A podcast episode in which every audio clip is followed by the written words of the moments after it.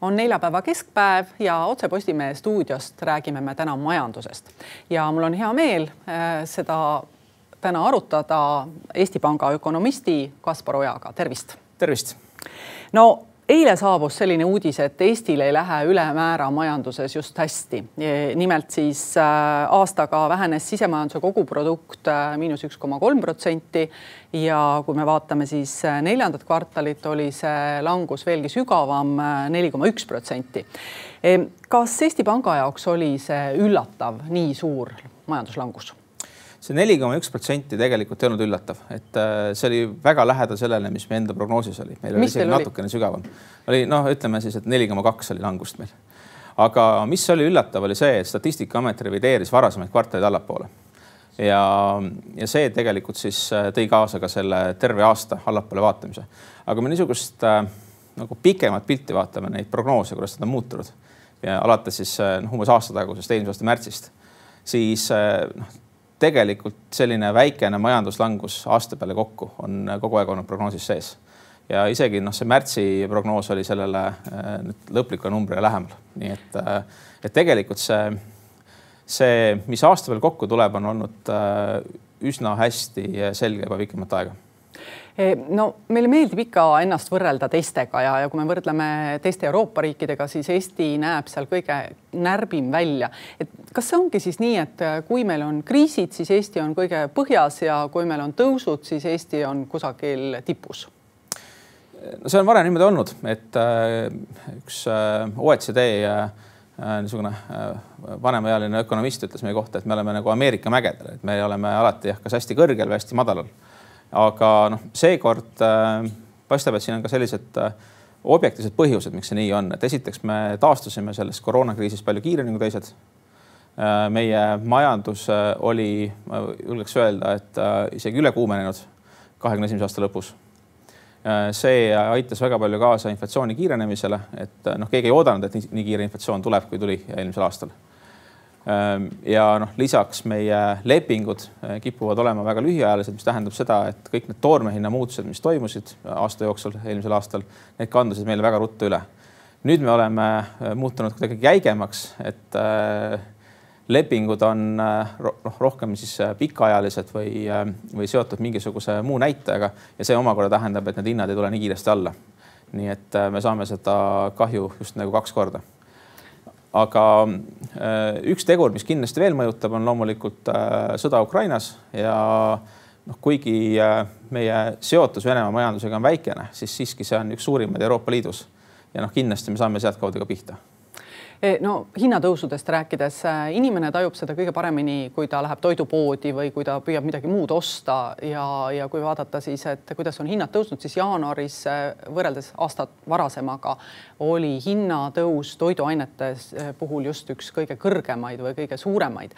Mm, kui millised on need prognoosid, kui kaugele või kui kõrgele need hinnad siis veel, hinnatõusud ulatuvad, et äh, noh, tõepoolest, et mingi hetk sa saad valida võib-olla soodustooteid, mingi hetk võib-olla hakkad vähem sööma või siis ostad saia ja makarone, aga kusagil on piir jah, siin on äh,, siin on erinevaid aspekte, üks asi on seesama, mida te nimetasite, et äh, inimesed asendavad kaupasid äh,. ma kahtlustan, et see ei ole väga hästi tegelikult äh, inflatsioonis arvesse võetud, sest seal ikkagi võrreldakse kindlaid kaupasid üle aja ja noh, võimalik, et kui inimesed muutuvad valivamaks, äh, siis äh, tegelikult äh, inimese isiklik inflatsioon võib olla madalam kui see, mida näitab siis statistika, et noh, kasvõi näiteks mingisugused isiklikud allahindlused, mida teevad kaubanduskeskused ja mida on statistikas keeruline arvesse võtta Ehm, nüüd, kui vaadata toormehindasid, siis äh, need äh, toidu puhul pigem ennustakse seda, et osade toiduainete hinnad peaks hakkama langema.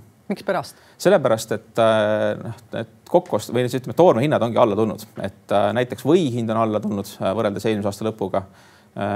noh, erinevate piimatoodete hinnad on langenud, et me võiksime näha, me vaatame niisugust pikaajalist seost enam-vähem nende toormehindade ja siis Eesti tarbijahindade vahel siis me võiksime näha niisugust hinnalangust nendes äh, tootegruppides juba kusagil aprillis.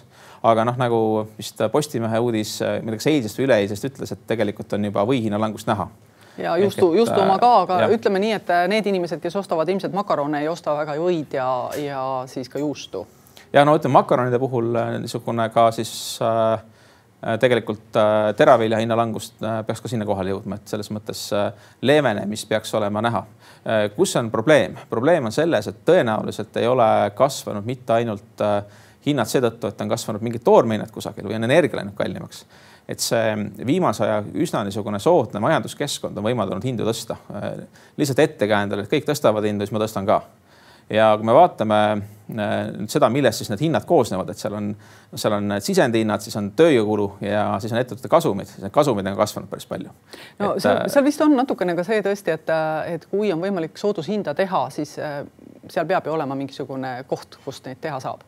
no absoluutselt ja võib-olla siin mõne nädala tagune võrdlus äh, ühest kaubandusketist, et äh, kus äh, müüdi võit siis kõige odavam Eesti või maksis ligi kümme eurot kilo ja kõige odavam Poola või oli kuus nelikümmend kilo. ehk et see näitab seda, et tegelikult on, on olnud võimalik pakkuda ilmselt erinevat marginaali, sellepärast et noh, tõenäoliselt need tootjahinnad nii erinevad ei ole, et tootjahindade kohta on olemas ka andmed ja noh, need näitavad, et tõepoolest Poolas on või odavam kui Eestis Äh, siis äh, nagu tehasest välja sõites. aga see hinnavahe ei ole nii suur, kui see on olnud meie poodides. no kevad on varsti käes ja natukene võib-olla saab äh, ka üht-teist ise maha panna, natukene ise toitu kasvatada, kellel on probleem, aga eluasemekulud on paraku need, kus väga kiireid lahendusi tavaliselt ei ole. paratamatult kasvavad energiahinnad, küte, noh, ütleme, tuba peab olema soe, tuli peab põlema lisaks siis tõepoolest ka nüüd äh, needsamad äh, intressitõusud, mis äh, kergitavad siis laenumakseid. kuidas te prognoosite või mis tunne, tunnetus teil on, et kas tuleb lähikuudel, me näeme selliseid peresid, majapidamisi, ka ettevõtteid, kellele käivad kohustused üle jõu? noh, need siin on nüüd mitu tegurit, et üks on needsamad energiahinnad, mis on äh, mõnda aega kasvanud ja olnud äh, üsna, üsna kõrged, ka nende puhul noh, me teame, on ju, et börsielektri hind on langenud, gaasi hind on madalam, kui see oli eelmisel aastal, nii eelmise aasta lõpus siis. nii et tegelikult sealt võiks tulla ka mingisugust leevendust. nüüd teine asi on tõesti see Euribori tõus, mis tähendab seda, et kodulaenud muutuvad kallimaks praeguseks äh, noh, on suurel osal inimestel see kohale jõudnud, aga tegelikult on veel suur hulk inimesi, kes on siiani maksnud madalamaid äh, intressimakseid, kuna noh, tavaline on see, et see intressimakse on fikseeritud äh, kuueks kuuks ja noh, nüüd alles hakkab see kõrgem intressimäär kohale jõudma nii et äh, ma arvan, et lähikuudel tõesti paljudele inimestele saabub see ehmatus, et äh, kui palju on läinud äh, laenumaksed kallimaks. samas, kui neid laene anti, siis pangad pidid tegema äh, stress-testi majapidamistele, mis tähendab seda, et äh, nad pidid äh, kontrollima, kas äh, majapidamised on maksevõimelised ka kõrgema intressimäära juures. ja noh, kui arvestada neid mineviku laenumarginaale, siis tõenäoliselt praegu ei ole intressimäär veel nii kõrge, kui oleks seal stress-testis või noh, ta on seal lähedal. et praeguse intressimäära juures peaksid majapidamised olema võimelised neid laene teenindama. ja noh, tõenäoliselt on ka suurema juures, aga kus pigem on probleem, on see, kui peaks majanduses üldiselt minema kehvemini, peaks hakkama tööpuudus kasvama, no siis tõenäoliselt me näeme rohkem neid probleeme laenudega. et äh, eluasemelaenud äh,, see on nüüd äh, noh, võib-olla mitte just kõige nagu äh, positiivsem sõnum, aga eluasemelaenud tavaliselt on need äh,, millega inimesed ei taha võlgu jääda ja need äh, makstakse ära, nii et ma arvan, et see on see koht, kus me neid probleeme esialgu ei näe, me näeme neid probleeme mujal et.... no üks kinnisvaraärimees ütles siiski, et äh, ta küll äh, ilmselt pidas silmas rohkem ärikinnisvara, et äh, ta ootab veel üks kuus kuni kaheksa kuud ja ilmselt kukuvad nagu küpsed õunad talle väga ägedad projektid sülle. see ikkagi natuke markeerib seda, et mm -hmm. ega siin väga tugevalt ennast ei saa väga tunda. no eks see, see on erinevad ettevõtted, et äh, nii palju, kui äh, mina olen suhelnud äh, kinnisvaraturgu lähemalt jälgivate inimestega, noh, on väited, et äh, pigem need ärikinnisvara arendavad ettevõtted on praegu tugevama finantsseisuga, kui nad olid eelmise kriisi ajal. ja selles mõttes peaksid ka hakkama saama, aga no loomulikult, kui laenu teenindamine muutub kulukamaks, siis siis ilmselt neid, kes on sunnitud oma, oma kinnisvara müüki panema, neid tuleb ka juurde nüüd ähm, mida te siis soovitate, et äh, me rääkisime natuke töötuse tõusust, et kas maaklerid võiksid hakata juba endale mingit teist tööd otsima, et, et kui me vaatame, et meil praegu on töötuse määr on äh, üle kaheksa protsendi, vist kaheksa koma kaks protsenti ja töötuid viiskümmend viis tuhat äh, hetkeseisuga umbes, et kuhu need töötuse numbrid võivad siin mõne kuu jooksul veel liikuda, sest vist on nii, et, et suvel kuidagi saavad inimesed paremini tööle kasvõi hooajatöödele? no töötuse puhul siin tuleb ka äh, täpsustada, mis and, andmetest me räägime. ma rääkisin just nimelt Töötukassa. eile jah, Töötukassa ja. andmetest, registreeritud äh, töötud. registreeritud töötuse juures on äh, hästi suur osa töötuse kasvust on tulnud põgenike lisandumisest tööturule. kuus tuhat viissada.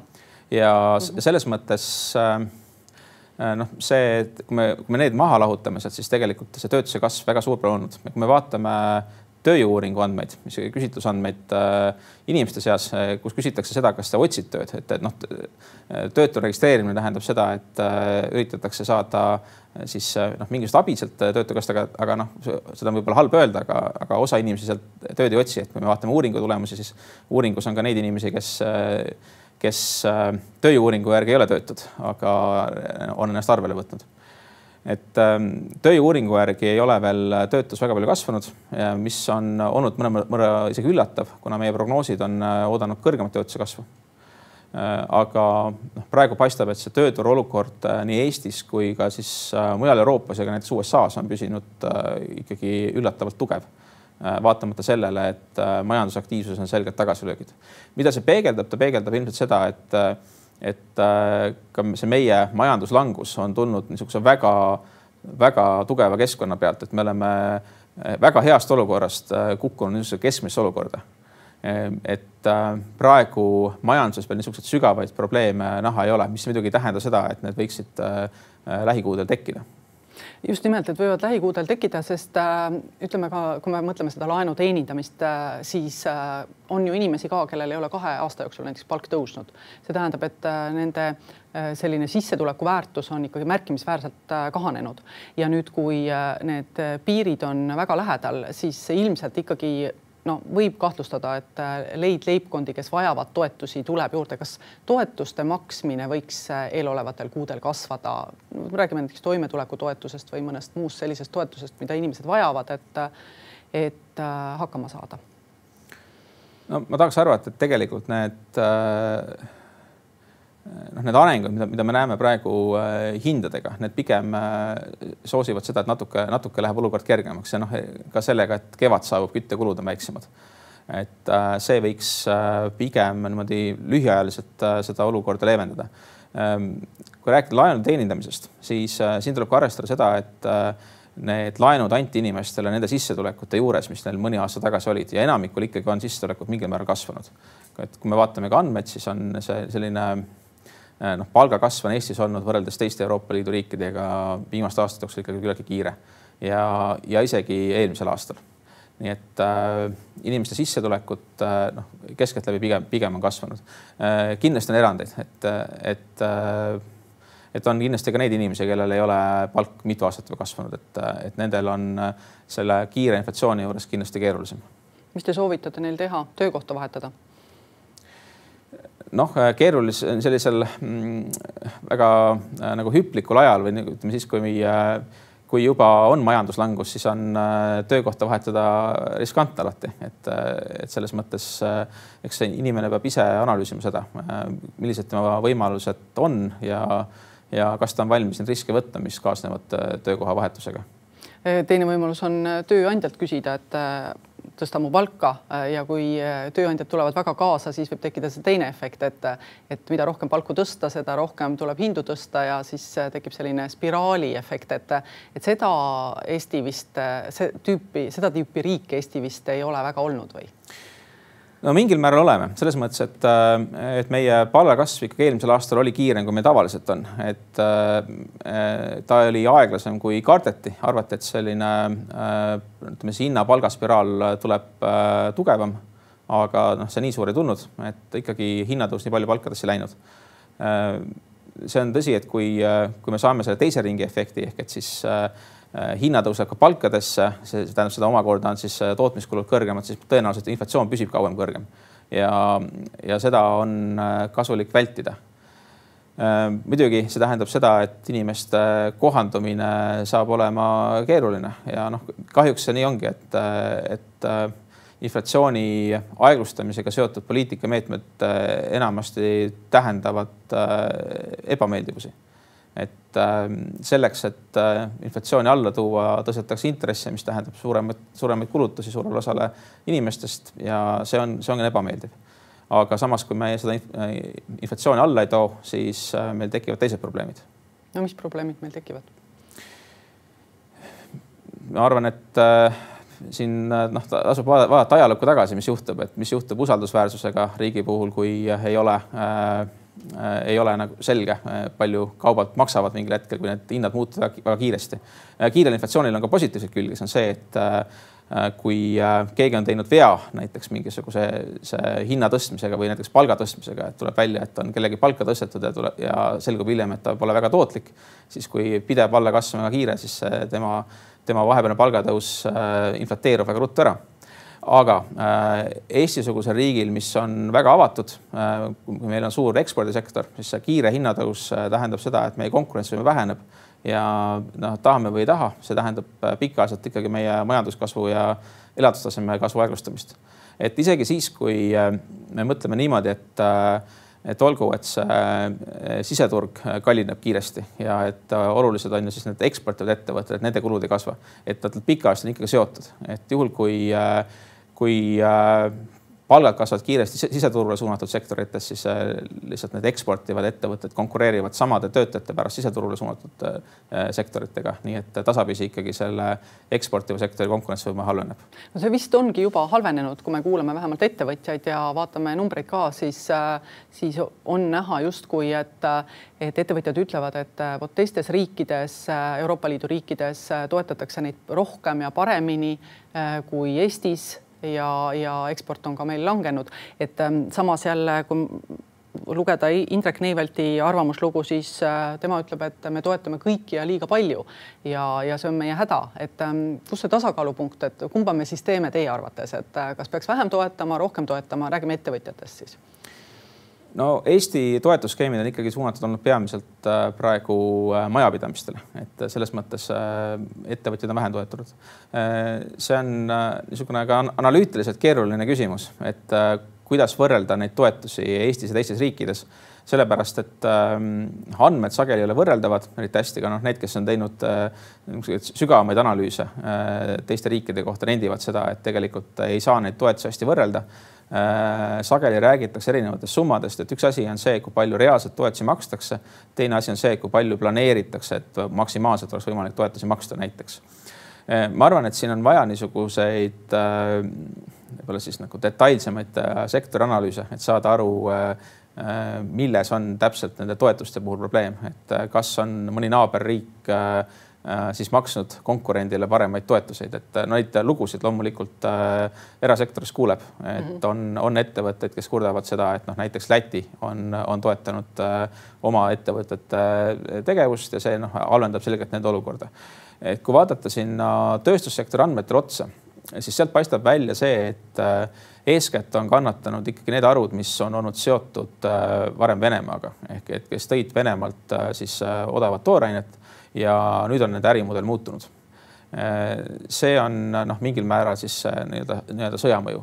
samuti äh, osa sektoreid ilmselt kannatab juba kõrgemate intressimäärade tõttu, äh, kuna noh, me rääkisime intressimäärade puhul, et need mõjutavad Eesti laenumakseid, aga tegelikult nad mõjutavad ka ju laenumakseid ja majandusaktiivsust teistes Euroopa Liidu riikides ja sealtkaudu omakorda nõudlust.